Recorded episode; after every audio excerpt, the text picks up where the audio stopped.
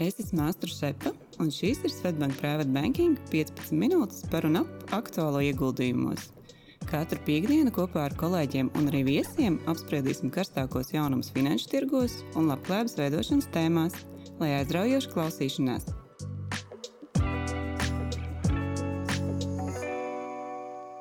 Esiet sveicināti podkāstu 47. epizodē. Šodien es, Mārtiņš, esmu kopā ar vecāko privātu banķieru Sergeju Laboru. Čau, Sergei!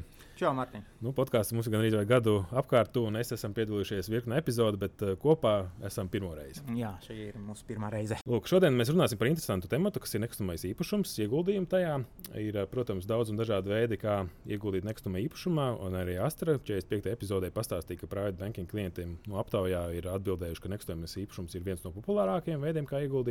Un tas jau ilgus gadus tā ir. Un uh, bieži vien, protams, mēs kā privātpersonu pusē redzam to, ka uh, ieguldījums nekustamā īpašumā būtu nu, dzīvokļu vai mājas iegāde, bet šajā epizodē mēs nerunāsim par konkrētu īpašumu pirkšanu, bet uh, nu, tā netieša veida ieguldījums nekustamā īpašumā, izmantojot vērtspapīru vai ieguldījumu kontu, kur mēs varam nu, pasaules biržās nopirkt aktīvus, kas iegūda nu, nekustamā īpašuma nozarē. Tas ir loģiski, jā, jo mēs parasti runājam par finanšu tirgiem, tad tomēr šajā podkāstā Jā, un, un, protams, popularitāte pasaulē ir ļoti liela šādiem ieguldījumiem, īpaši Amerikā. Viens, protams, ir arī priekšrocības, kas ir, ka mēs varam ne, neieguldīt lielas summas un nopirkt uh, daļu no nekustamā īpašuma biznesa, un otrs, ja mēs varam ātri ļoti realizēt šos pirkumus. Mums nav jāgaida. Līdzekļi daudz li likvidākai. Okay. Jā, mēs iedodam, iedodam orderu un pārdodam savus aktīvus.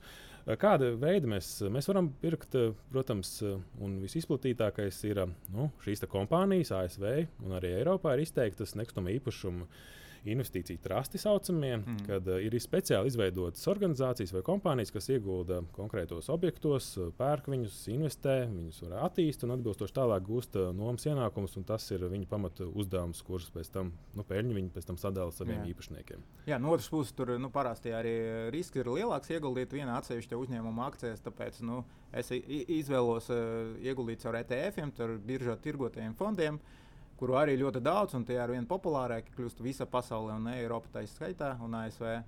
Mm. Un, protams, jā, tas ir tas tā būtība, ir, ka mēs uh, ieguldām un esam daļa no, no īpašniekiem vienā vai nu lielā projektā, vai arī šajos fondos, kas arī pēc būtības ir tieši tāds pats, kad tiek beig beigās nofinansēts kāds no kāds no projektiem. Kāpēc eh, šobrīd ir interesanti nekustamā īpašuma nozare? Kas tur noticis? Kāpēc varbūt ir interesanti pašlaik jā, jā, tas, tas, tas bija man arī jautājums, kad es gatavojos. Es tā padomāju, es domāju, nu, klausītājiem noteikti var rasties jautājums, kāpēc nu, tieši tagad mēs par to runājam. Nu, es negribu teikt, ka nozare piedzīvo grūtus laikus, bet nu, noteikti izaugsme šajā jomā ir apstājusies. Nu, tādā īsā atbildē ir, ka nu, tīri tehniski šis ir viens no ieguldījuma instrumentiem, kas labi diversificētajā portfelē mēdz būt. Jā, jo nozares uzņēmumi maksā arī nu, virs vidēja dividendus, 3%. Un, tevis pieminētie fondi arī vairāk par 4% maksā. Bet, nu, ja vēl dziļāk paskatīties, tad nu, akciju cenu dinamika labāk atspoguļo notiekošu tirgu, par ko nu, šajā podkāstā iepriekš tika runāts jau vairāk kārt. Un, uh, statistiskie dati parasti pieejami par kaut kādu iepriekšējo periodu. Spilgts piemērs ir House Price Index, kas ir nu, mājokļu cenu dinamika Eiropā. Indeksu, un, uh, kuru aprēķina vai apkopo Eurostat, pavisam oficiāli dati, bet tie dati šobrīd ir pieejami par 20, 22. gada 3. ceturksnī. Ja? Nu, cik tie dati ir informatīvie? Uh, Bet akciju cenas mainās katru dienu, katru sekundi. Un, nu, principā, kas ir akciju cena, ir tas, ne tikai esošā biznesa novērtējums šodien, bet arī nu, investoru gaidas attiecībā uz uzņēmumu nākotnē, uz viņu investoru investīcijas ienesīgumu. Un, nu, var teikt, ka tas zināmā mērā arī ir prognoze par tirgus nākotnē, kur ir izteikta skaitļos. Jā, un tad noteikti komentārs. ir jāpieskarās arī, kāpēc ir šobrīd tāds svārstīgums. Jo izteikti mēs redzam, ka uh, šī nozare ir ļoti, ļoti saistīta ar procentu likmēm. Un procentu likuma kāpuma periodā tas nozīmē, to, ka nu, daudzas no kompānijām, šiem trustiem, arī ir finansējuši savus īpašumus ar aizņemtiem līdzekļiem. Automātiski sanāk tā, ja būtu ienesīgums konkrēts, piemēram, x procents, tad uh, tieši par to pieaugumu kredītu maksājumiem viņi samazina nu, teiksim, tā, īpašnieku peļņu nākotnē. Un automātiski tālākās eh, valuācijas vai vērtības uzņēmumam samazinās, jo nākotnē vienkārši peļņa samazinās dēļ mazāk, mazākiem ienākumiem. Jā, tieši tā. Nu, lūk, un pastoties droši vien tādā globālā kontekstā, es, es esmu pietiekami nu, tāds Amerikas tirgus cienītājs, kurš skatos bieži vien, kas notiekās tur. Un, tur arī mēs redzam tādu vienu izteiktu varbūt, pretrunu. Ja mēs pastītos, kā ir cenas, nu, kā piemēram, paskatīsimies tādas mājokļu cenas, kas ir viena māja ģimenei, pietiekami vidējai, un atbilstoši ir arī indeksi, tādi, kas monitorē SP Core Logic, Case Sheller. Uh, 20 city, tas ir uh, indeks par 20 pilsētām, kur monitorē cenas mājām. Un šīs cenas, ja mēs skatāmies vispār vienu gadu griezumā, ir uh, pieaugušas par 4,6%. Tajā pašā laikā varbūt nu, augstākā punktā mēs redzam mīnus 6% kritumu, bet tas ir ļoti lielā mērā pretrunā to, ko mēs redzam akciju uh, cenās šīm kompānijām, kuras mēs pieminējām, kuras saistītas ar nekustamo īpašumu, kuru nu, vērtību orientējoši gada, gada laikā ir kritušās par nu, pa 30%. Mm. Līdzīgi Eiropā. Jā. Un tas ir tieši saistīts ar to, ka šīs kompānijas vairāk orientējās uz naudas plūsmu, uz ienākumiem, kas ir nākotnē, un tieši dēļ kredīta maksājuma pieauguma, procentu likuma pieauguma šīs ienākums nākotnē samazināsies. Tāpēc nav tā viens pret viens, ja, ja krīt visa nozara, tas nozīmē, ka arī nekustamā īpašuma cenas kritīsies. Ja mēs droši vien vērtējam ASV kopējo tādu stāvokli, kas ir vispār tajās kompānijās, kurās mēs pietiekami viegli varam ieguldīt, nu, ir, ir tāds uh, SP Dow Jones USA Real Estate indeks gadu laikā tas ir par 23% samazinājies. Un kas ir indeksa nu, iekšpusītē, tas ir uh, pietiekami zināms kompānijas. Uh, ProLogis uh, ir viena no lielākajām, kas nodarbojas ar loģistiku centra attīstību pa visu pasauli. Šīs kompānijas akcijas vērtība kritums gadu laikā apmēram par 28%. Jāsaka, te jāpiemina, ja mēs skatāmies ASV kompānijas un vispār lielas kompānijas, noteikti mums jāpiemina, ka tas jau nav konkrētais tirgus, bet pa visu pasauli tomēr tas tirgus ir. Jo viņi jau darbojās ne tikai ASV, bet eh, daudzās pasaules valstīs un kontinentos. Un otrs uh, interesants arī eh, uzņēmums, kas arī lielākā daļā no tādiem lieliem ieguldījumiem, gan ETF-iem, gan kopā diversificētiem portfeļiem, tas būs American Tower Corporation. Uh, kas uh, nodarbojas ar šādu telekomunikācijas uh, nekustamo īpašumu izīrēšanu. Pamatā tas bizness saistīts ar tādu telekomunikācijas torņu, ko mēs esam redzējuši arī Latvijā. Bieži vien iznomāšanu, vairāk vai mazāk arī vietu iznomāšanu torņiem. Un, uh, viņiem ir ļoti liels skaits pa visu pasauli šo īpašumu, 219,000 orientējoši, un at, attiecīgi viņu akcijas cena kritusi par 31%.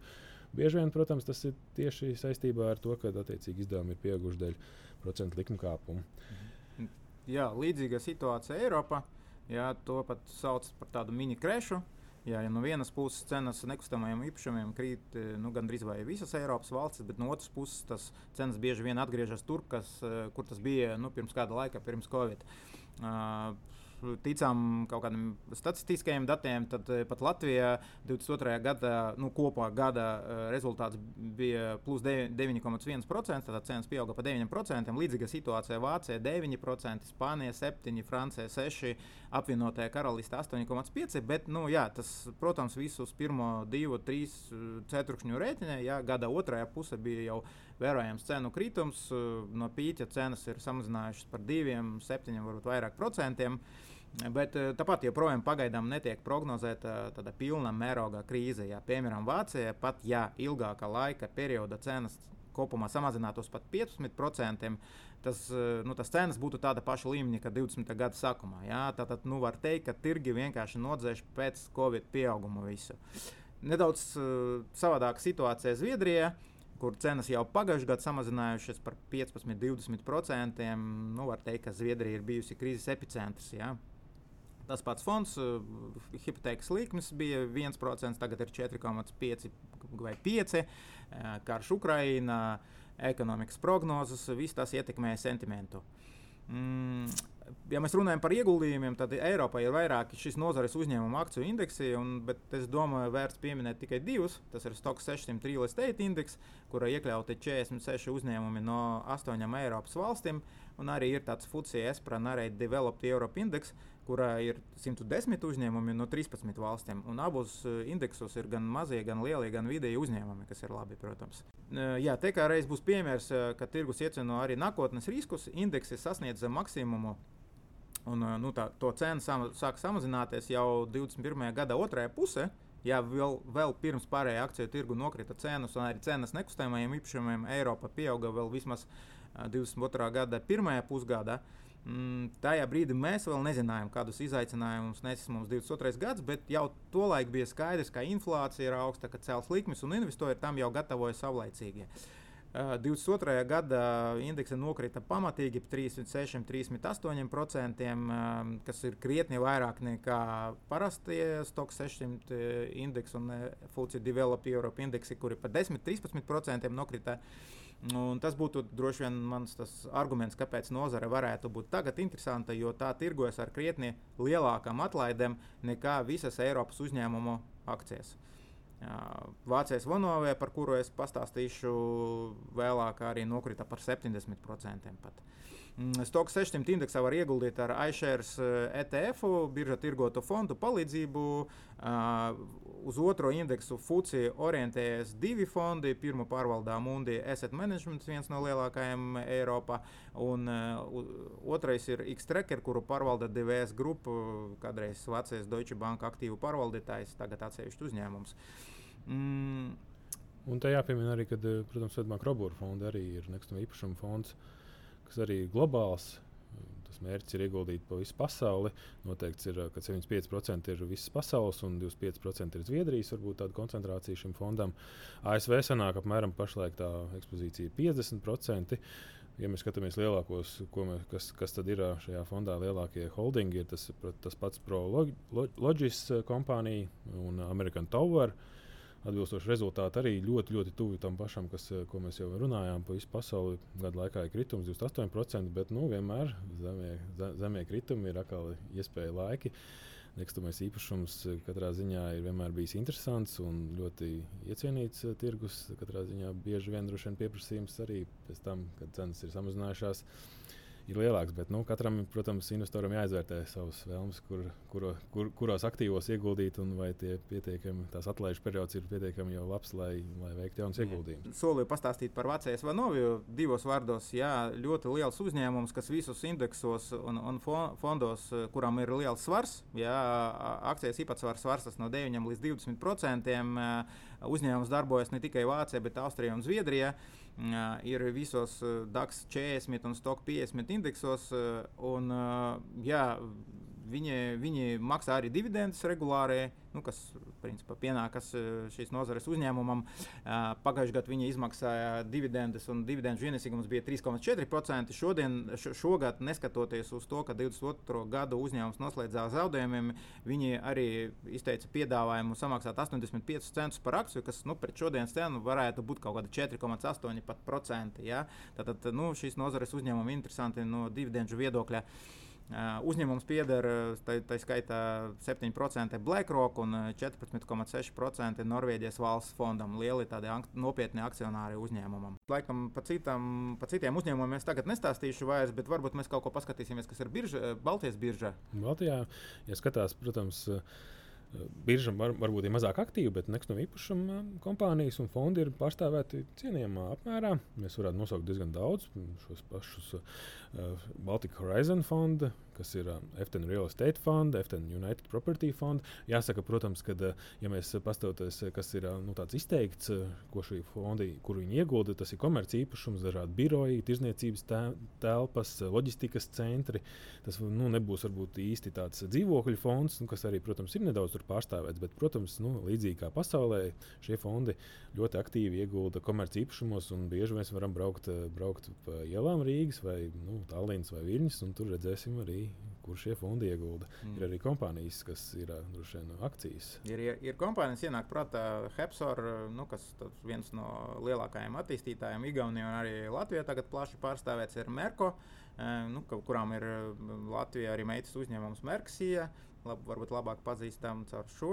Mm, ir vēl, arī vēl fondi, ir arī INVL, Baltika Real Estate fonds un INVL Baltika Farmont fonds, kas Farmont fonds ir fonds, kas iegulda lauksaimniecības īpašumos, zemēs un kompānijās, kas iegulda šajās zemēs.